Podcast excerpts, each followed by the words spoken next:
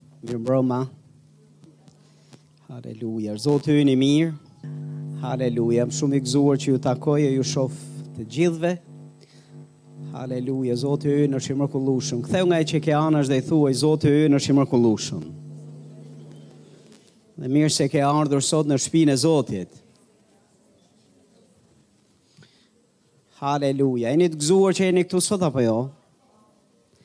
Mirë lavdi Zotit Jezus, ne kemi privilegjin që të ndajmë nga fjala e Zotit dhe nga ajo çfarë Zoti ka. Ë uh, nuk e di për ju, po në përgjithësi ka dy kategori njerëzish, të paktën me atë çfarë unë kam parë, që vijnë në shtëpinë e Zotit. Një kategori njerëzish vijnë me idenë se çfarë do të ndodhë në kishë sot, uh, me jetët e të tjerëve, uh, do shkoj sepse duhet shkuar për forcë zakoni, vijnë dhe din edhe se si është shërbesa, se si shkon, ua pret mendja se si duhet të jetë shërbesa, sepse kanë kohë që vijnë në kishë edhe e dinë, që tani ka një kohë Kur ne këndojmë Zotit, pastaj ka një kohë kur ne marrim një ofertë dhe ia japim Zotit. Pastaj ka një kohë kur pastori del dhe flet fjalën e Zotit. Pastaj ka një kohë për këtë gjë dhe dhe i dimë. Dhe është shumë është shumë normale dhe shumë e thjeshtë që ti të shkosh në këtë drejtim në mendime. Por rreziku është që të vish dhe me këto mendime të mos kesh dhe në mendimet tua dhe në zemër dhe në pritjen tënde të mos kesh pritshmëri për atë çfarë Perëndia dëshiron dhe do të bëjë në shërbesë. Dhe ti vjen për kuriozitet ndoshta, ti vjen për forcë zakoni ndoshta, ti vjen thjesht sepse duhet ardhë për ritual fetar dhe vjen në shërbesë, dhe nëse vjen në këtë mënyrë, gjasat janë që maksimumi që mund të marrësh është të mrekullohesh me mrekullitë dhe gjërat që Zoti do të bëjë për dikë tjetër. Kjo është maksimumi që mund të marrësh. Por është dhe një kategori tjetër njerëzish, Dhe kjo kategori njerëzish të tjerë i pëlqejnë Zotit dhe më pëlqejnë dhe na pëlqejnë ne shumë, sepse vijnë me pritshmëri për të marrë nga Zoti. Vijnë me pritshmëri për të dëgjuar zërin e tij. Vijnë me pritshmëri për të prekur nga prania e tij. Vijnë me nevojat dhe dëshirat e tyre dhe me gatishmëri dhe pritshmëri se sot është dita ime për të marrë mrekullinë që kam nevojë. Dhe zakonisht këta njerëz vënë në lëvizje qiellin, vënë në lëvizje Perëndinë, vënë në lëvizje dorën e frymës Zotit dhe japin jetë kishës, shërbesës i japin jetë, sepse Perëndisë i pëlqen kjo lloj atmosfere, i pëlqen që njerëzit të vijnë me pritshmëri. Kjo kishë nuk është kishë si, si çdo kishë tjetër. Dhe kur e them, nuk e them, nuk e them për mburrje. Por dua t'ju them pastor që nëse ka ndonjë gjë që pastori juaj, ky pastor që keni përpara, e urren me shpirt, është që të kemi takime fetare, që të kemi takime dhe të kemi fjalime. Nuk jam kundër Fjalës Zotit dhe predikimit Fjalës Zotit. Ka vendin e vet, por ai predikim që, që, që përcillet, për ne ka shumë peshë. Mbaj mend që isha diku dhe isha shumë i frustruar sepse do të shërbeja. Dhe do shërbeja në atë shërbesë dhe Kisha atë ndjesinë, duke njohur edhe natyrën e shërbyesit që më kishte ftuar, ë, ndihesha kështu sikur jam i kufizuar, sikur kisha hyrë në një kafaz ku më, më ishte kërkuar më tepër që të shkoj dhe të jap një leksion se sa të shkoj dhe të shërbej. Pastor, ka përtej fjalës, përtej leksionit, Dhe në qoftë se e lemë vetëm te leksioni, ne jemi më të mirët e të mirëve. Dhe nëse e lemë vetëm te leksionet, ka kisha të tjera të cilat e ofrojnë atë gjë dhe janë shumë rahat se kanë vite në ritualin e vet. Mund të shkosh në një kishë katolike, ortodokse, të ulesh e minimumi nuk ke njeri aty që të shqetëson. Mund të ulesh në një stol, merr edhe letra me vete nëse duhet, dhe mund të kalosh një farë mbasdite, a dite, a ore. Po në kishën tonë, unë besoj me gjithë zemër që Perëndia e prania e Zotit është këtu dhe pritshmëria ime është që Zoti do të lëvizë, që Zoti do të bëjë punën e vet, që Zoti do të flasë, që Zoti do të prekë, që prania e tij do të manifestohet dhe do të shfaqet. Unë nuk kam asnjë leksion për t'ju dhënë.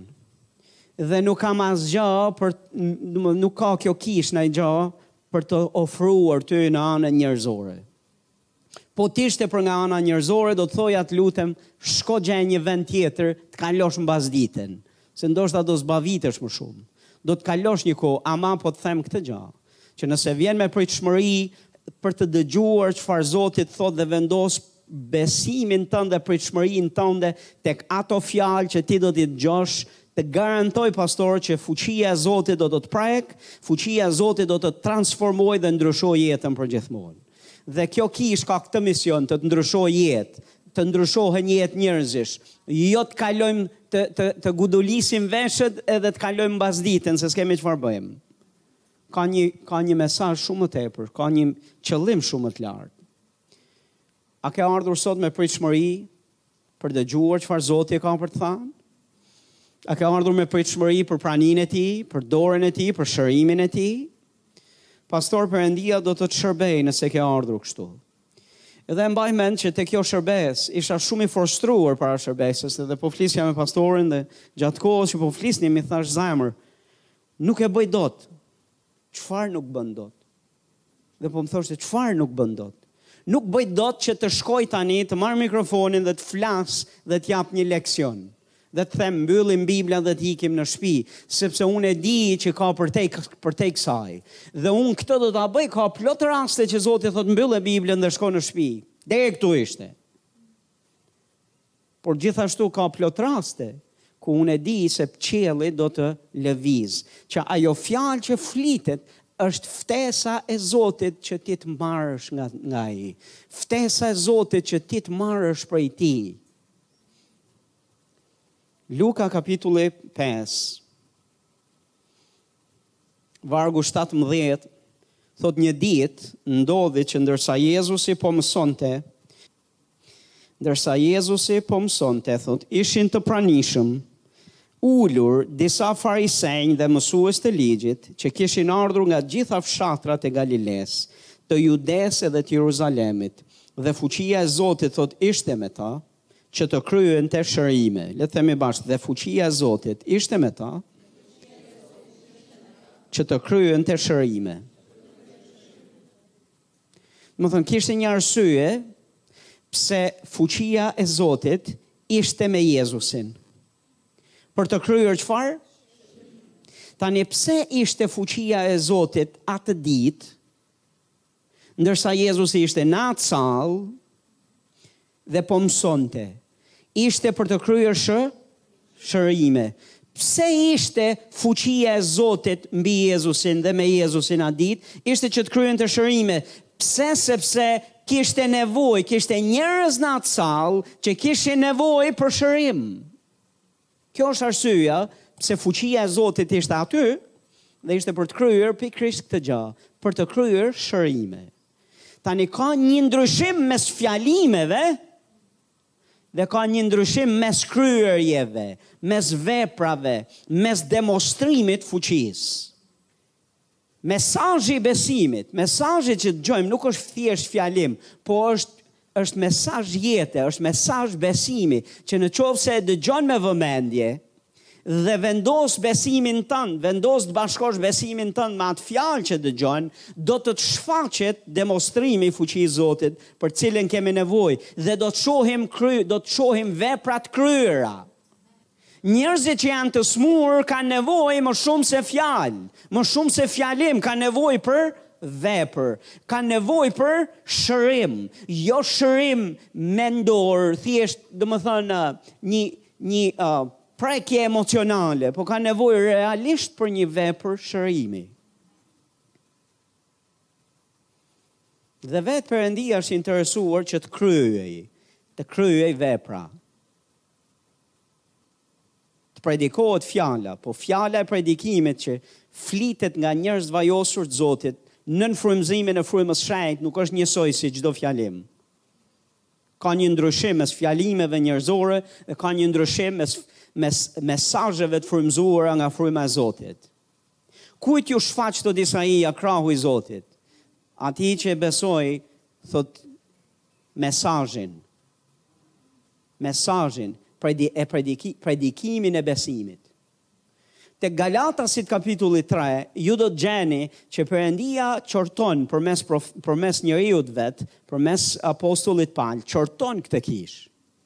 Sepse kishte kaluar nga Nga në frymë kishte kaluar në mish, kishte kaluar në mish dhe kur ju flet Pali, Pali ju bën, ju thotë nja dy gjëra që janë shumë të fuqishme. Ju thotë si e merrni ju, si e keni marrë frymën e shenjtë ju? Me anë të veprave të ligjit, apo me anë të besimit, me anë të dëgjimit të besimit, dhe përgjigja është me anë të mesazhit të besimit që është dëgjuar dhe besuar. Dhe thotë, si kryhen shenja e mrekulli e vepra të fuqishme, si i bën zoti këto në mesin tuaj, përmes veprave të ligjit, apo thotë me anë të besimit tek mesazhi që dëgjon. Dhe përgjigja është e njëjtë. Mesazhi që dëgjon kur besohet i hap rrugën Frymës së Shenjtë që të manifestojë veten. Kur besohet mesazhi i besimit që është në përputhje me Fjalën e Zotit, kur dëgjohet dhe besohet, atëherë shenja, mrekulli dhe vepra të fuqishme ndodhin. Nuk mbetet vetëm në fjalë, po dhe në vepra dhe në demonstrim fuqie. Perëndia ynë është Perëndi fuqie. Dhe është Perëndi që do të kryej, do të bëj, do të veproj. Biblia na thotë që këtë ditë Jezusi po mësonte në këtë sinagogë, ishte duke folur. Por ndërkohë që Jezusi ishte duke folur, thotë kishte një gjë me vete, kishte me vete fuqinë për të shëruar, për të kryer shërime. Tani le të lexojmë edhe ca gjëra të tjera, sepse Bibla thotë dhe ja thotë disa njerëz, po sillnin mbi ve, mbi një vig një njeri të paralizuar dhe kërkonin ta fusnin brenda dhe ta vendosnin përpara Jezusit. Por, por thotë duke mos gjetur se si ta fusnin brenda për shkak të turmës, Hipën thotë mbi çatitë e shtëpisë, mbi çatinë e shtëpisë dhe lëshuan përmjet tjegullave, nëpërmjet tjegullave, me gjithë vig ose me krevatin e të paralizuarit, midis njerëzve thotë, përpara Jezusit. Dhe ai thotë duke parë besimin e tyre, i tha atij, njeri, mëkatet e tua të janë falur. Atëherë skribët dhe farisenjtë filluan të arsyetojnë duke thënë, Kush është ky, që thotë blasfemi? Kush mund t'i falë mëkatet përveç vetëm Perëndisë? Por Jezusi duke i njohur mendimet e tyre, thotë e mori fjalën dhe tha, Çfarë po arsyetoni në zemrat tuaja? Çfarë është më e lehtë të thuhet, Mëkatet e tua të janë falur, apo të thuhet Çohu dhe ec? Tani pra, me qëllim që ju ta dini se Biri i Njeriut ka pushtet mbi tokë, të falë mëkatet. Thotë, Unë i them, Unë të them, i tha të paralizuarit, iu kthye të paralizuarit dhe i tha, Çohu, merr vigun tënd dhe shko në shtëpinë tënde. Dhe menjëherë, thotë ai njeri, u ngrit përpara tyre, mori vigun mbi të cilin qe shtrirë dhe shkoi në shtëpinë e vet, duke përlëvduar Perëndinë. Thotë dhe të gjithë u habitën dhe përlëvdonin Perëndinë, dhe plot frikë thonin, Sot pamë gjëra të mahnitshme. Wow, sot pamë gjëra të mahnitshme. Tani më lini t'ju them një gjë që më bën shumë përshtypje. Jezusi ishte duke mësuar në atë sallë ku kishte hyrë, në atë shtëpi. Dhe Bibla thotë që kishin ardhur nga ana e anës, nga krahinat përreth, farisenj dhe saducenj dhe vendi ishte turma ishte aq e ngjeshur dhe aq e madhe brenda në atë sallë sa nuk kishte vend për të futur këtë të paralizuarin. Mirëpo farisenjtë dhe saducenjtë, pastor, që ishin atje, kur panë mërkullinë që ndodhi në fund, folën. Dhe folura e tyre dhe arsyetimi i tyre ishte anti Jezus. Ishte kundër të folurës së Jezusit, ishte kundër veprave të Jezusit. Këta njerëz kishin zënë karriget, pastor. Këta njerëz kishin mbush sallën, pastor. dhe dhe dhe në kohën kur në fakt salla dhe vendi duhet të ishte i mbushur dhe në karrige duhet të kishte vend për njerëz të cilët ishin si të paralizu, si i paralizuari dhe katër katër njerëzit e besimit të cilët nuk kishin ardhur për të arsyetuar por kishin ardhur për të marrë nga Jezusi kishin ardhur me besim për të marrë nga Jezusi E di shumë herë nëpër shërbesa nuk ndodh asgjë e gjallë dhe nuk ka demonstrime të lavdisë, të fuqisë së Zotit, ashtu siç Perëndia dëshiron dhe do të bëjë, dhe shumicën e kohës është sepse nëpër karrige nuk janë njerëz me pritshmëri. Janë njerëz të cilët kanë ardhur për të gjykuar se çfarë do të ndodhë për kuriozitet apo arsye tjera, Po nuk kanë ardhur siç erdhën të, siç erdhën katër burrat bashkë me të paralizuarin. Nuk vijnë me pritshmëri për të marrë mrekullinë e tyre. Dhe ju thashë, njerëz të tillë shumë maksimalja që mund të marrin është ose të skandalizohen ose të mahniten me gjërat e mrekullueshme që panë, që tjerët i përjetuan. Po kush më kush më thotë Kush prej tyre ishte më i gëzuar dhe i lumtur atë ditë? Kush prej tyre doli i mahnitur e i mrekulluar më shumë në atë sallë atë ditë? I paralizuari që u shërua dhe katër burrat e besimit që thanë, Huh! E dinim! E dinim që kur ta sjellim këtë burrë te kambët e Jezusit, ky nuk do rrijë në shpi më, ky nuk do jetë i paralizuar më, ky do jetë, do kthehet te fëmijët e vet, do kthehet te gruaja e vet, do kthehet në jetën normale, do buzëqeshë përsëri, do vrapojë përsëri, do jetë miku ynë që do dalë dhe do lozim shah te sheshi prapë.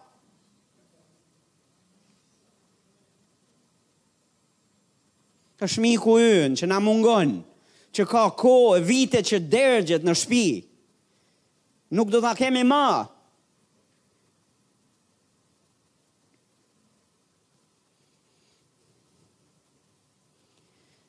Njerëz të Zotit kisha, kisha ka nevojë, ne kemi nevojë të zgjohemi. Dhe kemi nevojë që nga shërbesa në shërbesë, ne duhet të gëzohemi, të gëzohemi, të gëzohemi, të gëzohemi, të gëzohemi kur vin njerëz që janë në nevoja, e janë në hall, e janë të smur, e janë janë gjithë gjithë probleme, edhe vin në shërbesa dhe vin në kishë. Kjo duhet na gëzojë ne. Kjo duhet na ngrejë në këmbë ne që të lëshojmë karriget dhe t'ju japim prioritet dhe mundësinë atyre që të dëgjojnë dhe të marrin nga Zoti. Ne duhet të jemi njerëz besimi si këto katër burra që minimumi gëzohemi kur i kemi në kishë e maksimumi shkojmë i, i, i, i, i gjurmojmë atje ku janë. Se ne të gjithë kemi të njohur, kemi familjarë, kemi njerëz që njohim, kemi miq, kemi shokë. Kemi njerëz që i shohim të torturuar, i shohim në nevojë, i shohim në hall. I shohim të smur. Kemi nevojë të jemi më aktiv. Kemi nevojë që të punojmë me njerëzit. Kemi nevojë që të shkojmë dhe t'ju themi ka një kishë. Hajde në kishë, hajde në shërbesë, sepse Perëndia do të të prekë ty. Po a e dini arsyen pse nuk nuk e bën kisha këtë gjë, sepse shumë herë vet kisha nuk beson. Shumë herë besimtarët vet nuk besojnë se nëse sjellin dikë të smur në kishë, do të marrë mrekulli nga Zoti. Nëse sjellin dikë që është në nevojë, nuk e kanë besimin se vërtet Perëndia do të bëjë diçka për ta. Ne duhet të kemi besim dhe duhet të jemi njerëz aktiv që ftojmë dhe sjellim njerëz nëpër shërbesa dhe kemi pritshmërinë se Perëndia do të veprojë dhe do të bëjë punën e vet. Pastor, po un kam sjell, më ka ndodhur disa herë që të sjell njerëz dhe kanë shkuar, siç kanë hyrë dhe kanë shkuar. Pastor, mos hiq dorë. Pastor, ji njeri besimi, mos u dorëzo në besim. Amen. Mos u dorëzo në besim. Këto katër burra e sollën e sollën në, në, në, në aty ku Jezusi ishte, të paralizuarin, por kishin gjithë arsyet në njerëzoren për t'u dorëzuar dhe për të thënë po e kthejmë të paralizuarin në shpi se sot s'qenka dita e tij dhe për të thënë s'ka vend për ta çu te Jezusi S'mundemi, sepse salla është plot. E kishin këtë mundësi, apo jo? Por çfarë bënë këto burra? Këto burra thanë çfarë? Ne nuk do lemë asgjë që të hyjë mes nesh dhe Jezusit. Do e hypim në çati. Dhe e hypën atë burrë të paralizuar në çati. A e dini çfarë do të thotë të hypësh në çati një njeri të paralizuar? Nuk është gjë e lehtë apo jo? Nuk ishte aspak e lehtë gjithashtu që të hapje çatinë, të hiqje tjegullat dhe të hapje një vrimë në tavan dhe ti të sjellësh një një krevat me një burrë të paralizuar, i cili i rriskohej jeta, që pak se ishte i paralizuar, mjaftonte edhe një aksident i tillë rrugës. Po ja që ata ishin njerëz besimi dhe njerëz veprash. Ju kam thanë besimi ka vepra. Nuk ka be besimi, besimi është i vdekur pa vepra. Por aktivizojnë, kush e aktivizon besimin, janë veprat. A e dini se, se duke parë veprat ne shohim besimin? Çfarë vepre ke ti, çfarë bën ti, është tregues, beson apo s'beson. Shif veprimet tua, ose lëri tjerët të t'i gjykojnë veprimet tua, që shumë herë besimtarët e kanë problem t'jua gjykojnë tjerët veprimet dhe veprimet e veta. Po lëri pak se do të tregojnë, nëse ke njerëz të ndershëm Perëndisë, do të tregojnë a je në besim a s'je.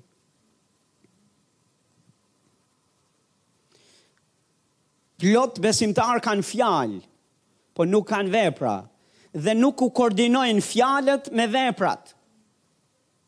Thonë se besojnë, të mësojnë të besosh. Të japin drejtim si të besosh ti. Po kur vjen puna për veten e vet, e kur vjen puna për gjërat e veta, komplet sillen ndryshe nga ajo çfarë flasin. Ndryshe nga ajo çfarë besojnë.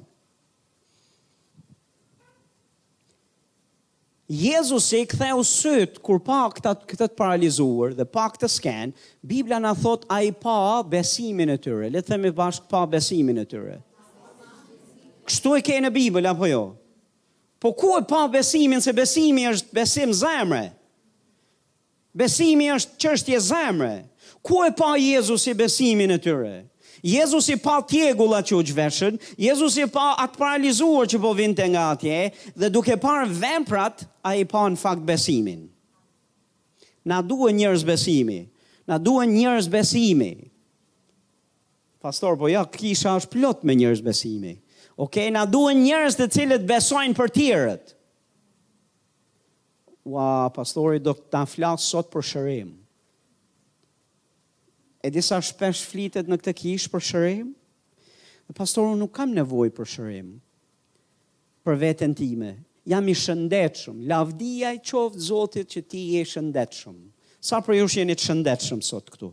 Ngrejeni pak dorën se nuk është gabim që është për lavdi të Zotit, nëse je i shëndetshëm, duhet të shoh dorën tënde. Haleluja, je i shëndetshëm, nuk ke asnjë shqetësim, asnjë dhimbje, asnjë problem, ngreje dorën ta shoh. Haleluja o at, falemderit për gjakun e birit tënd. E bekojmë Zotin. Tani pyetja ime për ne është kjo. Mendoni se ka njerëz të sëmurë përtej nesh? A ka ndonjë që është këtu në këtë sallë sot që ka ardhur dhe ka nevojë për shërim, ka nevojë për një prekje nga qielli për shërim në trupin e vet? Të lutem ngreje dorën se du ta shoh dorën tënde. Ngreje kam nevojë ta shoh, është dikush apo jo? Veç një dorë është atje. Veç një dorë, dy dorë. Është edhe një atje, edhe ti motër je aty. Ju lutem kush prej jush ka nevojë për veten e vet apo për dikë tjetër, a burrin, a gruan, a fëmijën, a që ke nevojë për shërim. Të lutem ngreje dorën, du ta shoh. Je duke i besu Zotit për ta? Wow. Ti do doje që Zoti Jezus të bëjë një mrekulli për ty apo për të afërmin tënd? Haleluja. Më pëlqen. Tani është bekim kur gjithë ne jemi të shëndetshëm dhe mirë. Po unë jam i vetëdijshëm dhe e di që nuk janë shumë nga njerëzit që ne njohim nuk janë mirë. Tani nuk them që t'i tërheqim me zor dhe t'i sjellim këtu, sepse këto katër burra besimi nuk ishin vetëm këto katër burra besimi që patën besim kishte edhe i paralizuari vetë, se i paralizuari nuk na thotë Biblia që ishte i verbër, i shurdhër, dhe memec. E kupton? Ai ishte i paralizuar, po gojën e kishte në rregull, mendjen e kishte në rregull, veshët i kishte në rregull dhe e dinte se ça është duke ndodh. Kështu që katër burrat e besimit nuk e morën me zor të paralizuarin nga shpia.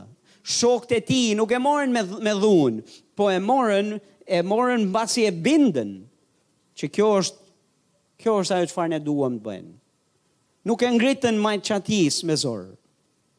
Kështu që edhe ai burrë kishte përveç zgjedhjes tij të lirë, gjithashtu edhe ai burrë kishte besim dhe e tregoi atë besim.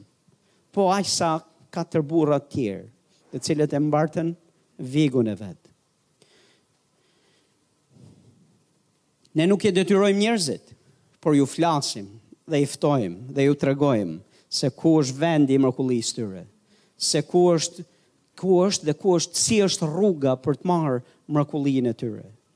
Dhe i lutemi Perëndisë ditë e natë që atyre njerëzve t'u hapen sytë, që atyre njerëzve t'u hapet zemra, në mënyrë që të në mënyrë që të të vinë bashkë me ne dhe të drejtohen Jezusit dhe të marrin prej tij. Po po ju them vëllezër, kurrë mos u tërhiqni sepse mos u tërhiqni, mos u dekurajoni. Ndoshta keni ftuar njerëz, ndoshta keni ftuar të afërm dhe keni parë vazhdimisht njerëz të cilët ju kanë thënë jo dhe mund të vijë një pikë ku ti thua shiko, nuk po i them më njeriu. Unë do shkoj me veten time, do marr veten time, do shkoj në shërbesa, edhe kështu nga dita në ditë, nga java në javë, nga muaji në muaj, ti bëhesh vetëm një ardhës vetë besnik në kishë. Por çështja është se ne duhet të jemi pak më ndryshe. Ne nuk duhet të dekurajohemi, po do të vazhdojmë të bëjmë për njerëzit, t'i ftojmë njerëzit, t'i sjellim njerëzit. Ka plot dëshmi pastor që kam dëgjuar, që për njerëz të cilët kanë çuar nëpër shërbesa, njerëz të paralizuar apo njerëz të gjymtuar, që e kanë pasur të pamundur që të marrin që që të vinë vetë në shërbesa me vite. Dhe një shërbesë Në një shërbes ka lëviz fryma e Zotit, ka lëviz fuqia e Perëndisë, a janë hap sytë atij njeriu dhe janë ngrit në këmbë dhe kanë marrë mrekullinë e tyre. Sikur të kishin hequr dorë që herën e parë dhe është problem. Ne nuk duhet të dekurajohemi, por duhet të ftojmë dhe nuk duhet të jemi si farisenjtë që vinë ulen në në karrige për të parë me kuriozitet se çfarë do të thuhet dhe çfarë do të ndodhë. Por duhet të jemi si këta burra besimi, që marrin, që ftojnë, që tërheqin, që në qoftë se jemi në rregull vetë, lavdi Zotit për këtë, të çlirojmë besimin tonë për miqtë tanë, të afërmit tanë, njerëzit që janë në nevojë. E në mënyrë që dhe ata të marrin nga Jezusi. Vite përpara, ndërkohë që kam qenë duke folur pikërisht për këtë që jam duke çfarë po flas, Kam qenë në kishë në Roskovec. Dhe ndërkohë që po flisja këtë mesazh dhe këto fjalë, vjen vjen një grua nga nga kisha aty dhe vjen thot dua të të flas pak. Thot un kam vjerrën në shtëpi. Ajo thot është e kërrusur dhe në asnjë mënyrë thot nuk drejtohet dot. Duhet ta marrim në krah ta çojmë tualet për të kryer nevojat e saj. Ka vite në këtë gjendje dhe është më është kthyer në një ishte nusja me pak fjalë dhe më është kthyer në një barrë të rëndë. Thot unë e marr vjerrën disi dhe e sjell këtu në takimet ku ti je duke fol fjalën e Zotit. Por thot a mundesh ti ta shërosh nëse e sjell se nëse nuk e sjell është vjerra. Dhe do të jetë më problem për mua. I them një herë po e solle që ta shëroj unë, më mirë mos e sjell. Sepse unë nuk nuk shëroj dot njeri.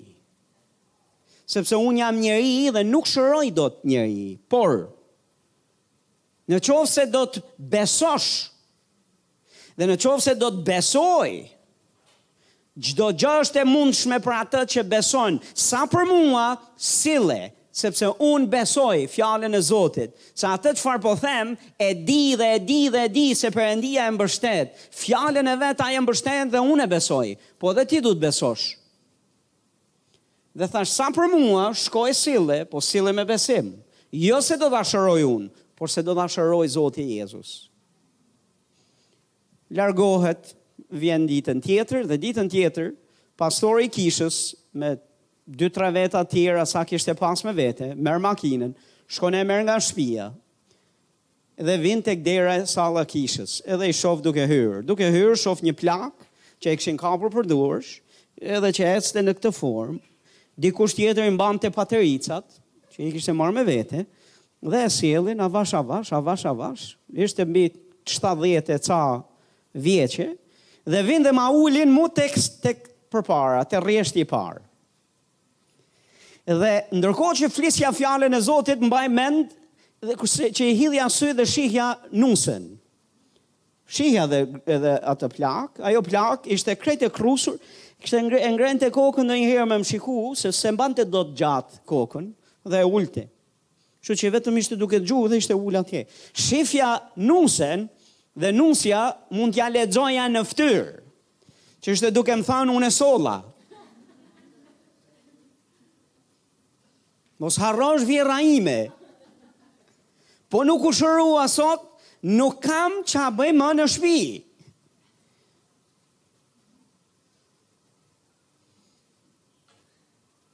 Vazhdoi shërbesa, mbaroi koha e fjalës së Zotit, erdhi koha e kryerjes. Le të themi bashkë koha e kryerjes. A kjo ndan predikuesit nga nga ata që kanë fjalime? Shërbyesit e Zotit nga ata të cilët kanë leksione. Është e lehtë për të dhënë leksione. Është krejt tjetër gjë që ti që ti të sjellësh qiellin në tokë. Është krejt tjetër gjë. Është krejt tjetër gjë të vendosësh të rriskosh gjithë jetën tënde për ato çfarë ti beson. Po nëse ti beson, nuk turprohesh thotë Jezusi. Nëse ti beson, nuk ke për t'u turpruar, nuk ke për t'u zhgënjyer. U luta për shumë njerëz të tjerë, në fund i erdhi rradha asaj asaj plake. E gjithë kisha i kishte sytë, çfarë do ndodhë tani? Gjithë njerëzit që kishin ardhë, çfarë do ndodhë tani? Dhe ju do thoni, pastor, e dije ti se çfarë do ndodhë tani? A jo, pastor, nuk e dija fare se çfarë do ndodhë. Nuk e dija, besoja që Zoti do ta shëroj, po si, nuk e dija. Ju afrova, i thash na, tash është koha jote. Tash është koha që ti të shërohesh. A beson që Jezusi të shëron ty? E tundi kokën e saj, me, me, me, duke më dhënë miratimin që po besoj. Thash atëherë le të ngrihemi pak në kambë, u ngrit në kambë, ishte krejt e kërrusur. Thash hajde, se do ecim pak bashkë. Dhe po ecnim para gjithë njerëzve duke ecur. Pastor, po pse ec? Pse e the kështu që të ec? Sepse kështu besova, pastor. Dhe besova me gjithë zemër që kjo është, kjo do të jetë një gjë shumë e thjeshtë që nuk do ta bëj unë, do ta bëjë Zoti, se unë nuk e drejtoj dot shpinën e saj. Po veshët e zemrës time ishin të hapur për dëgjuar çdo zë të Perëndisë. Kur Perëndia do më thoshte një gja, e kisha ndarë mendjen që do ja them dhe do bëj. Dhe në një moment, ndërkohë që po ecja, po i thoja sa kohë ke që je kështu, e gjërat e kësaj natyre, po bisedoja me ta, në, në një moment ndaluam, dhe Zoti m'tha tani thuaj t'i ngrejë të dy duart lartë. Tani ajo ishte krejt e kërrusur dhe nuk i ngrente duart lart, s'e ngrente dot trupin, jo më të ngrente duart dhe t'i drejtonte.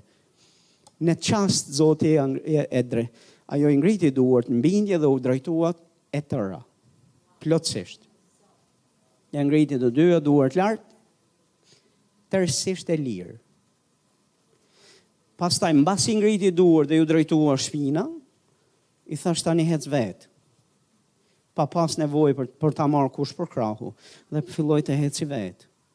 Dhe n'at n'at takim iku vetë me kamt e saj në shpi. Nuk pat nevojë as për paterica, s'pat nevojë as për ta marrë kush ma me me ta marrë për krahësh. Sa fatlume ajo plakë. Hmm? Çfarë fati? Disa njerëz kështu mendojnë. Shans, fat, I erdh dita. Jo mor pastor, dita të ka ardhë dhe ty dhe dita jote është tani. Dita jote është sot, dita jote është tani. Nëse ti guxon t'i besosh Jezusit, kjo mrekulli t'ndodh ty. Pastor, Dëgjoj plot nga mosha pesëdhjetë vjeç e lart, pesëdhjetë e sipër dëgjoj këto thënie. Tani fillojnë! Tani të dhembin kockat, tani të dhemb koka, tani të, të zbehen sytë, tani të dhembin këmbët, të dhembin gjunjët, të dhemb të ngrihet tensioni, ke probleme kolesteroli, ke këto probleme, ke, fillojnë këto, janë shumë normale që fillojnë këto. Dhe ke plot njerëz të cilët janë njerëz besimi, që kur shkojnë te kjo mosha e sipër, unë e kuptoj që nuk je më i ri. Por a e di që ti duhet të kesh pritshmëri për prekjen dhe bekimin e Zotit, sikur 99 vjeç Të jesh edhe në, në një, ça të them unë, 5 minuta pa shku në qiell, pa ndru jetë, ti ke, ti ke dhe duhet të kesh pritshmëri për Zotin të të shërojë ty. E të të japë forcë, dhe të të bekojë ty. Po ti shajri, Zoti mund të më bekojë, po tani ça ka të më bekojë Zoti? Tani ke nevojë ma shumë. Tashti ke nevojë më shumë.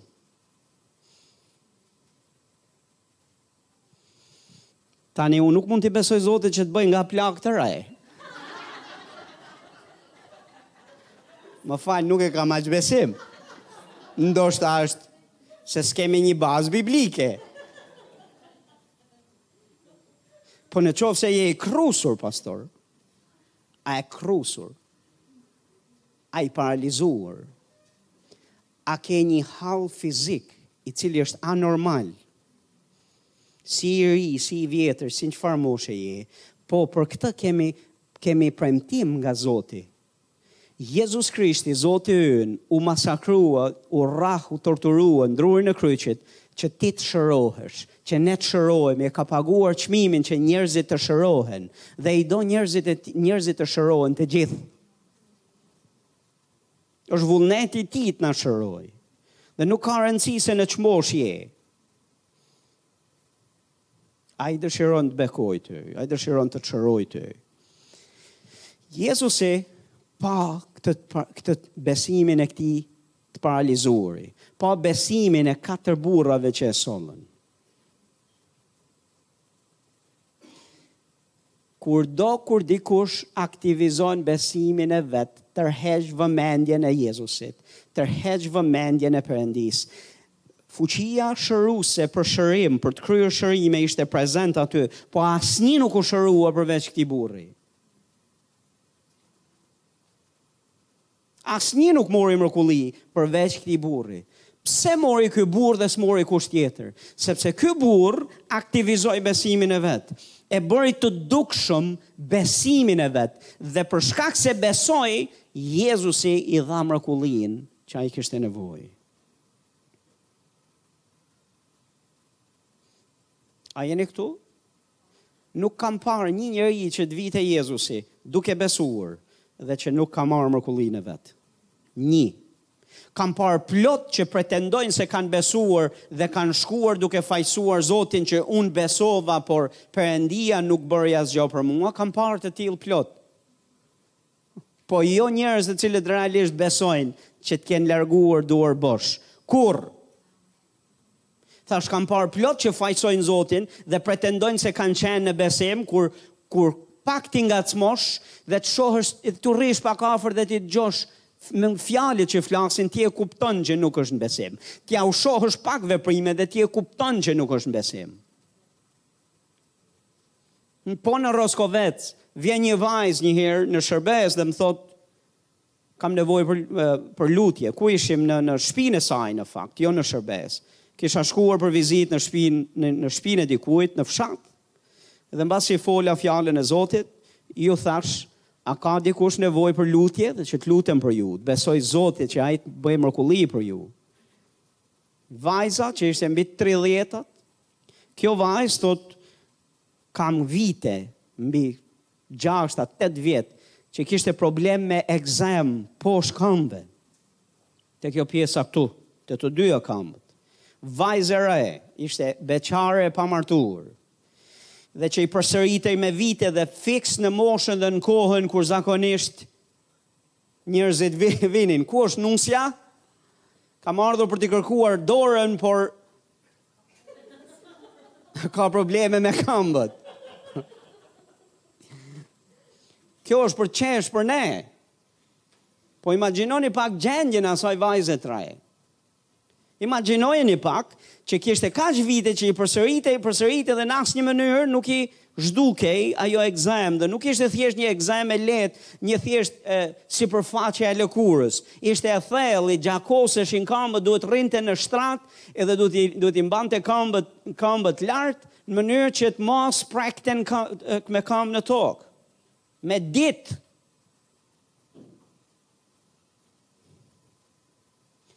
Dhe thotë, Fatmir, thotë, je lutur ti për mua. Është lutur Rick Renner për mua. Është lutur dhe një pastor tjetër për mua. Njerëz besimi të cilët, të cilët unë i njoh.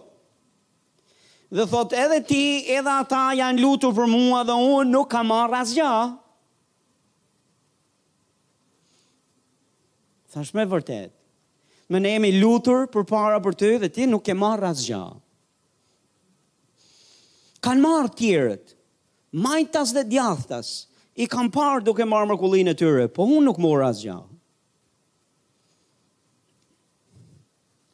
Dhe menjëherë Zoti më foli në zemër dhe më tregoi në çast se ku ishte problemi i saj. Problemi i saj ishte ky, që ajo kishte pritur që menjëherë mbas lutjes, sapo të luteshim, të vendosnim duart mbi të, ajo do të menjëherë do të kishte manifestim të mrekullisë në trupin e saj dhe do shihte se si do i zhdukej ekzema. Dhe mbas lutjes kur nuk kishte parë me sy transformimin e menjëhershëm, Ajo mendonte se nuk ka marrë mrekullinë e saj. Mirëpo, Fjala e Zotit thotë, Kur ju luteni, besoni se e keni marrë mrekullinë tuaj, pa e parë. Besoni, prandaj duhet besim. Thot beso se e ke marrë në çastin që ti je lutur. Manifestohet në çast apo jo? E sheh mrekullinë me sy, të manifestuar apo jo, ti duhet të besosh fillimisht tha Jezusi në zemër se e ke marrë dhe pastaj tha do ta kesh. Dhe m'u desh ta mësoj këtë vajzë, as dy minuta kohë nuk m'u desh. nga një fshat i Roskovecit dhe nuk ishte një vajzë e shkolluar me diploma si disa prej nesh. Besimi është i thjeshtë. Zoti e ka bërë të thjeshtë për të marrë mrekulli prej tij, për të gjithë. Nuk e ka bërë të komplikuar e të vështirë. Oh, ky ky besimi është për të rinjt. Jo mor ky besimi është për të rinjt, për të moshuar, është për fëmijët, është për të gjithë njerëzit. Dhe është i thjeshtë. Dhe i them, shiko ku është problemi yt. Ti thash, sapo jemi lutë për të, ti ke menduar se tani që nuk u manifestua në qast, Zoti nuk ta ka dhanë mrekullinë.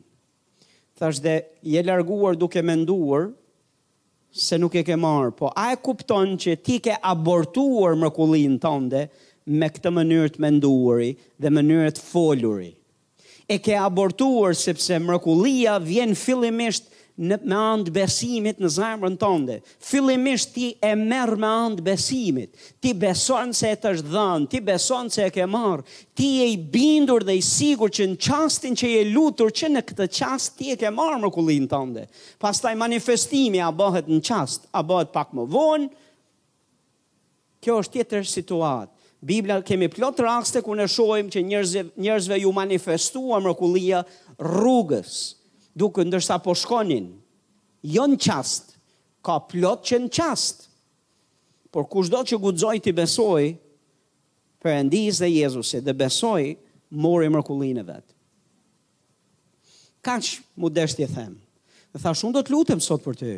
Po kur të lutem sot për ty, ti do të besosh dhe do të besosh se e ke marrë mrekullinë tënde dhe nga ky çast e mbrapa ti veç do t'i thush Zotit faleminderit. Faleminderit që më shërove. Faleminderit që në këtë ditë ti më shërove. Nja dy tre muaj më vonë shkoj në kishë dhe vjen ajo, ajo vajzë bashkë me familjen, po nuk po flas për familjen tani se ka kjo mrekulli, ka disa mrekulli të tjera dhe nuk dua të mërzis disa që e kanë gjuar qind herë këtë histori. Po, po shkëpus vetëm këtë pjesën këtu që t'jua bëj ju pak më të lehtë. Për hir t'atyre tjerëve që s'e kanë dëgju nanjëherë dhe që u bën mirë për ta dëgjuar sepse u ushqen besimin. Kjo vajzë vjen dhe thot un jam shëruar dhe jam shumë mirë, jam në këmbë, është viti im i parë, është koha ime e parë që un shof transformim. Nuk zgjati shumë pasi ti je larguar pun uh, një javë apo 10 ditë që më janë pastruar këmbët dhe i kam në rregull. Kam shkuar me vite në atë kishë dhe e kam takuar atë vajzë, edhe ajo vajzë nuk kishte më probleme. Mund shkonte t'ia kërkonte dorën kush donte. Duhet jetë e martuar tani për ju që. A duhet jetë 50 vjeçe. Do duhet, nda e drejtë. Shumë e drejtë. Haleluja, është Zoti ynë i mirë. Ne besojmë që edhe mesazhi që flasim është mesazh i frymëzuar nga Zoti dhe ka fuqi në vetvete për të dhe të ushqyer besimin, që ti të guxosh të besosh atij, po momentin që ti guxon të besosh dhe thua unë besoj Por do të besoj për mrekullinë time, pastor, në qoftë se e bën të dukshëm besimin tënd, në qoftë se e bën të dukshëm besimin tënd, nëse i jep zë besimit tënd, ti do të marrësh mrekullinë tënde. Haleluja.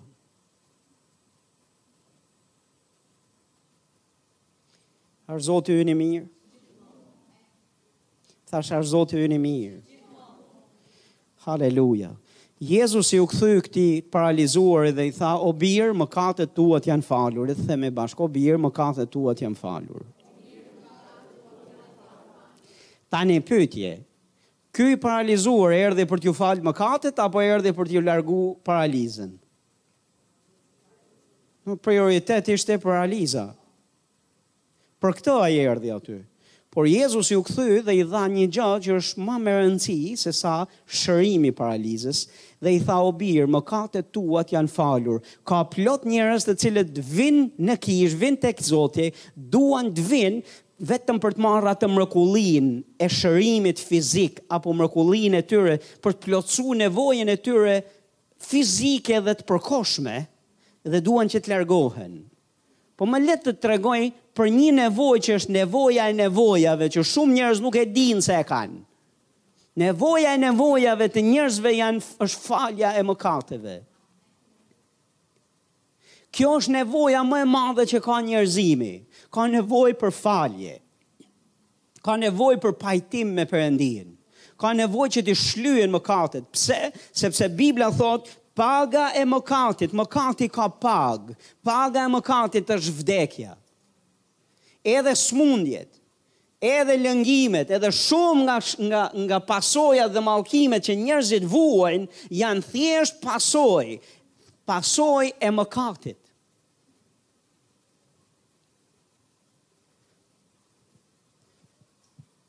Mëkati është si pema që prodhon fruta të kësaj natyre, smundje, varfri, mallkime, gjëra të tilla.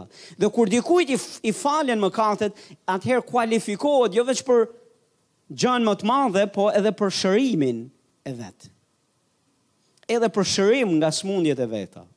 Dhe Jezusi i tha këtij burri, mëkatet tua t'janë falur. Në qoftë se dikush vdes me mëkate t'pafalura, do të shkojë në një vend që do të kalojë përjetësi, jo njëqind vjet, përjetësinë do ta kalojë në ferr. dhe do të vuajë përjetësisht atje dhe do të jetë gjithmonë i ndarë nga Perëndia në një zjarr të pashueshëm, ku do ketë kërcëllim dhambësh, ku do ketë vuajtje. Dhe që nuk do të dalë që aty kurrë për jetë. Mëkati e çon njeriun atje. Dhe në qoftë se një njeri është i, sh i shëndetshëm dhe, dhe, dhe i suksesshëm në këtë botë, Dhe këto njëqind vite jetë maksimumi kujt i zgjasin deri atë ditë. I kalon në në këtë formë. Por në fund përfundon atje, nuk ka ç't'i duhet as shëndeti, as prosperiteti, as asgja tjetër. As një kënaqësi e kësaj bote, sepse njëqind vite a sa vite jetë që ka njeriu, nuk mund të krahasohet me përjetësinë dhe pafundësinë. Ka plot njerëz që thonë, "O, kur unë të vdes edhe të më hedhin atë dheun sipër, përfundoj, nuk du t'ja di më se çfarë ndodh mbi tokë. Më, edhe po duash ti të ja dish se çfarë ndodh mbi tokë, nga ai moment e mbrapa, të garantoj që nuk ke për të ditë gja." Por një gja të garantoj pastor simbas fjalës Zotit, që shpirti yt do të shkojë dhe do të jetë përpara gjyqit Perëndisë dhe do japësh llogari për mëkatet tua dhe do të ishte do të ishte e udhës dhe bekim i madh që ti të shkosh i falur nga mëkatet tua atje. Dhe jo të shkosh me mëkate i ngarkuar, sepse nëse do jesh me mëkate i ngarkuar atje dhe i pafalur, ti do të shkosh në atë vend që jam duke folë, e sigurt. Dhe ti mund të thuash, po unë do të pendohem aty kur të shkoj në gjyq. Nuk pi ujë pendesa atë ditë. Perëndia ka vendosur një kohë për shpëtimin e njeriut. Ka vendosur një kohë për faljen e mëkateve të njerëzve në këtë botë. Këtu kur je, Pa shkuar te gjyqi, si të shkosh atje, atje është vetëm për vendimmarrje, nuk është për për të kërkuar falje dhe për të kërkuar pajtim aty. Aty është vetëm për të marrë vendimin. Këtu është për të marrë faljen. Dhe lum kujt i falen mëkatet. Këtë thotë shkrimi i lumtur, i bekuar thotë është ai të cilit janë shlyer mëkatet, janë falur mëkatet. Është një varg në Bibël që thotë gjithashtu në qoftë se dora jote mëkaton preje, është më mirë të hysh në parajsë me pak fjalë, në qiell, të hysh me një dorë ose dorë cung se sa t'i kesh të dyja dhe të hidhesh në ferr. Thotë nëse njëri sy yt mëkaton hiqe, është më mirë të jesh me një sy dhe të shkosh në qiell se sa t'i kesh të dy dhe të shkosh në ferr, ku ka kërcëllim dhëmbësh. Thotë është më mirë që të kesh, nëse njëra këmbë mëkaton preje, është më mirë thotë që të jesh me një këmbë dhe të shkosh në qiell se sa t'i kesh të dyja dhe të përfundosh në ferr. Çfarë është duke thënë Jezusi që tani është koha që ne të heqim sy dhe të he- të presim këmbë, të presim duar. Nuk është duke thënë këtë gjë. Se po të ishte duke e thënë fjalë për fjalë këtë, ne të gjithë këtu do ishim pa sy, do ishim pa këmbë, do ishim pa duar. Por çfarë Jezusi është duke fol, është figurativisht është duke fol për rëndësinë e qenit i shenjtë dhe i pastër dhe i falur nga mëkatet. Dhe është duke fol, është duke thënë që kjo ka rëndësi, duhet të pendohemi. Duhet të pendohemi tani që që të që të jemi të falur, që të jetojmë përjetësisht me Perëndinë. Por është dhe një parim anësor këtu, që s'ka ç'të duhet, pastor, të dalësh nga gropa ku je, dhe shumë njerëz duan veç dalin nga gropa ku janë. S'ka ç'të duhet të dalësh nga gropa ku je, në qoftë se do, do shkosh në një gropë të përjetshme, ku s'do dalësh dot më kurrë.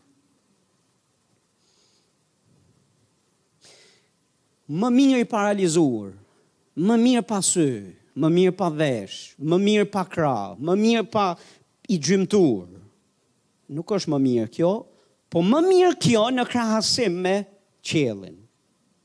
Dhe mrekullia e mrekullive është falja e mëkateve. Kjo është nevoja e nevojave që njeriu ka. Këto pastora e ke, Kjo është pyetja që kam për ty sot. A e ke marrë këtë dhuratë, se është dhuratë nga Zoti? Perëndia ka ndëshkuar Birin e Tij në drurin e kryqit dhe ka ndëshkuar Jezusin për mëkatet e botës dhe mëkatet tua në mënyrë që ti të falesh. Të vetmen gjë që Ai do prej teje është që ti të besosh te Jezusi, të pendohesh nga mëkatet tua, të besosh te Jezusi, se Ai i mori mëkatet tua dhe u ndëshkua për mëkatet tua. Të besosh tek Ai se ka pushtet për të të falur mëkatin ty. Nëse ti do ta besosh, Ai do të të falë ty. Nëse ti do ta besosh, ti do të marrësh dhurat, faljen e mëkateve. Kjo është mrekullia e mrekullive. Tani kur dikujt i falen mëkatet nuk shihet, se nuk është spektakolare kjo falja. Se nuk ka nai shfaqje spektakolare. Më spektakolare është një shërim, është një mrekulli. Për këtë dhe Jezusi iu tha farisenjve që arsyetonin, Ç'a është ma e lehtë thuash, Mëkatet tua t'janë falur, apo t'i them këtij të paralizuari, Merre vigun tënd dhe ec? Më spektakolare është merre vigun tënd dhe ec. Në sytë e njerëzve dallohet kush ka pushtet, jo kur thotë falje, janë falur mëkatet tua, se ku e dimë ne se këto fjalë vërtet kanë pushtet. Por kur Jezusi thotë merre vigun tënd dhe ec dhe sheh që i paralizuari që s'ecte dot, që e sollën katër njerëz në krevat, me krevat çohet dhe ec, atëherë njerëzit habiten siç u habitën dhe thonë, Wow! Me të vërtetë ky paska pushtet. Tani për sa për sa i përket rëndësisë në sytë e Jezusit, falja e mëkateve është më më e madhe. Po e dini ça është e bukura me Zotin ton? Që ai edhe na i fal mëkatet dhe na shëron nga gjitha smundjet. Ai edhe na i fal mëkatet, po dhe na jep dorën edhe na ndihmon në familje. Ai na, na, na çliron nga mëkatet, po dhe na jep dorën dhe siguron për nevojat tona materiale. Ai është i interesuar që jeta jonë të jetë në tërësi e plotë dhe e bekuar. Por do ta bëjë për këdo që do të besoj. A beson ti sot? Unë e di që është prania e Zotit për të shëruar këtu në këtë sallë. E di që është këtu. E di sepse ja është drejtimi i tij që unë të flas për këtë gjë. Mund të isha duke fol për çdo temë tjetër dhe kisha gjëra të tjera ndërmend. Por Perëndia deshi që të shkoj në këtë drejtim. Çfarë nevoje ke, pastor? Kush ka ardhur për fjalim, fjalimi u mbyll. Jeni të lirë mbas këtij fjalimi. Kush ka ardhur për kryerje veprash dhe për vepra, le të rrijë. Kush ka ardhur për vepër dhe ka nevojë për një prekje të Zotit, për veprën e Perëndisë, atëherë le të vijë. Kësaj të diele ne ishim në Thuman, nëna e një besimtareje tonës që na vjen në kishë atje, kishte probleme me veshkat. A mund të vish të ma thuash se çfarë ndodhi të lutem se po më tregonte pak se mos të dal jashtë naj detaj se Ok, ajo kishte pësuar një lloj hemorragjie të brendshme dhe i kishte prekur veshkat dhe njëra nga veshkat Rrezikonte të kalonte në dializë, domethënë e kishte gati në kolaps njërën veshkë, plus kishte probleme shumë serioze me me zemrën. Edhe ne u lutëm, edhe morëm vesh që është jashtë rrezikut për jetën. Edhe jemi kaq mirënjohës Zotit që e ka prekur, sepse ditën që ka shkuar në spital janë bërë gati për ta përcjellë, domethënë aq rëndë dukeshin situatat edhe rrethanat, por e bija, që është Leta për ato që e njohin, Ka thënë unë nuk e lë mamin të shkoj sepse unë e di që Zoti im operon, unë e di që Perëndia im shëron e ne jemi lutur si kishë ajo i ka shpallur mamit të vet fjalën e Zotit ka përzënë gjithë njerëzit dhe ke spitali ka qëndruar vetë duke lexuar biblën dhe duke folur fjalën e Zotit dhe ne e morëm mrekullinë ajo është në restaurim e sipër ka dalë nga spitali Doris apo Ok, ë do dalë edhe nga spitali shumë shpejt, por është në proces shërimi e sipër. Lavdi Zotit. Tani nga nga shkoni bëni gati funeralin, në do dalë të hënën që aty e lirë, kjo është për lavdi të Zotit. Po dëgjoja Dorisën që po thoshte ishte një dajë aty që i kishte thënë uh, besimtares së kishës. Na lodhët me këtë Zotin tuj, Zoti, Zoti, Zoti, do të bëjë mrekulli. A ishte kështu? Por tani që Zoti ynë po e nxjerr me këmbët e veta të shkojë te shpia, daja nuk flet më në atë formë. Amen. Haleluja. Dhe janë ca dajë që kanë nevojë që të shohin lavdinë e Zotit, që të besojnë. Irakliu është vllai ynë në besim. Dhe ka një vlla gjaku. Është xhaxhai i Dorisës. Doris, hajde motër pak para. Haleluja. Dorisa më mirë, hajde na trego se çfarë ka bërë Zoti për uh, xhaxhain tënd. Po, atëherë babi im është Irakliu. është vllai pastori. Dhe është vllai. Ëm E vërteta është që xhaxha im që në moshën, gjyshja thotë dy vjeçare, për shkak një temperature të lartë, ai ka ngelur, domethënë, nuk ishte normal si gjithë fëmijët e tjerë, si gjithë njerëzit e tjerë, edhe ai është tre vjet më i madh se babi im, i bje 55-56 vjeç, para pak kohësh, domethënë ai gjithë kohës është nga ata persona që vetëm rrinë hanë, pinë, flenë kaq, domethënë nuk fliste, nuk nuk reagonte për shkak gjendjes që ishte. Edhe para ca kohësh ai jeton me Letën, se po, po flisnim për Letën. Edhe para ca kohësh ai filloi të bëhej shumë agresiv, nuk flinte gjumë, gjë që ishte jo normale. E çojnë tek doktori, doktori thotë që në krahun e majtë, thotë ne shikojmë Domethënë është ka pësu një, një formë hemoragjie në tru për shkak të tensionit të lartë. Ne në fakt s'ia kishim mat asnjëherë tensionin, po i shkonte rreth 18-20. Dhe doktori thotë, unë thotë se po e shikoj, po shikoj këtë gjënë thotë, po normalisht, për shkak se kishte në krahun e majtë, ana e tij e djathtë duhet të ishte paralizuar. I thotë, lutem, A e keni parë ndonjë lloj shqetësimi te ky njeri? Leta thotë, jo, thjesht është agresiv, nuk fle gjumë natën. Okej, thotë, çojeni në shtëpi, do t'i japim ca mjekime, po s'di ç'a të them për shkak gjendjes tij, sepse organet e tij dhe truri i tij nuk ishte normal si çdo njeriu tjetër. Më fal pastor që po e zgjas. Ë Pastaj mbas mbas dy javësh nga kjo gjë, një mbas dite, sepse ne me Letën e kemi shpinë shumë afër, dëgjojmë Letën që po, po, po bërtiste. Mami bashkë me vëllain shkojnë aty dhe shikojnë që Çimi ishte i nxirë komplet dhe ishte në gjendje si të fikti, po në fakt nuk ishte të fikt normal. Domethënë dukej sikur ai ishte duke ik. Njëra, domethënë krahu i djathtë dhe këmba e djathtë ishin nuk, nuk i lëvizte dot, edhe ato çfarë bëjnë Kanë, domethënë janë lut për të kanë shpall gjakun e Jezuit dhe nuk ka ardh ka ardh disi në vete.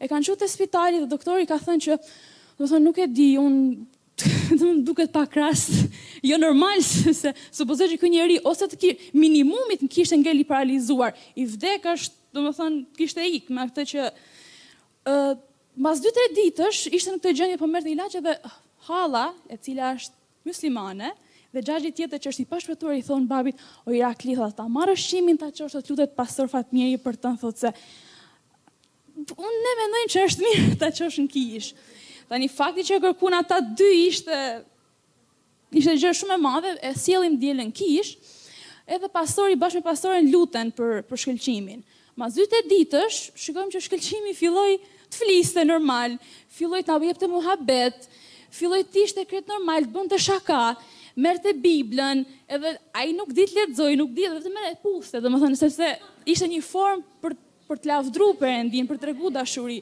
Edhe para dy ditësh shkoj dhe i them mo Çim çfarë po bën? Kishte marrë Biblën, fut te dhoma e Letës, thotë unë po lutem për mamin e Letës. Edhe përveç kësaj, domethënë, ai është një mrekulli dhe ne po e shikojmë çdo ditë. Lavdi Zotit. Lavdi i qoftë Zotit tonë Jezus. Se është mrekullibërës. Haleluja. Tani, po të ishit në kishë kësaj të diele, dhe do shihnit se sa pjesëmarrës ishin në kishë, ju do thonit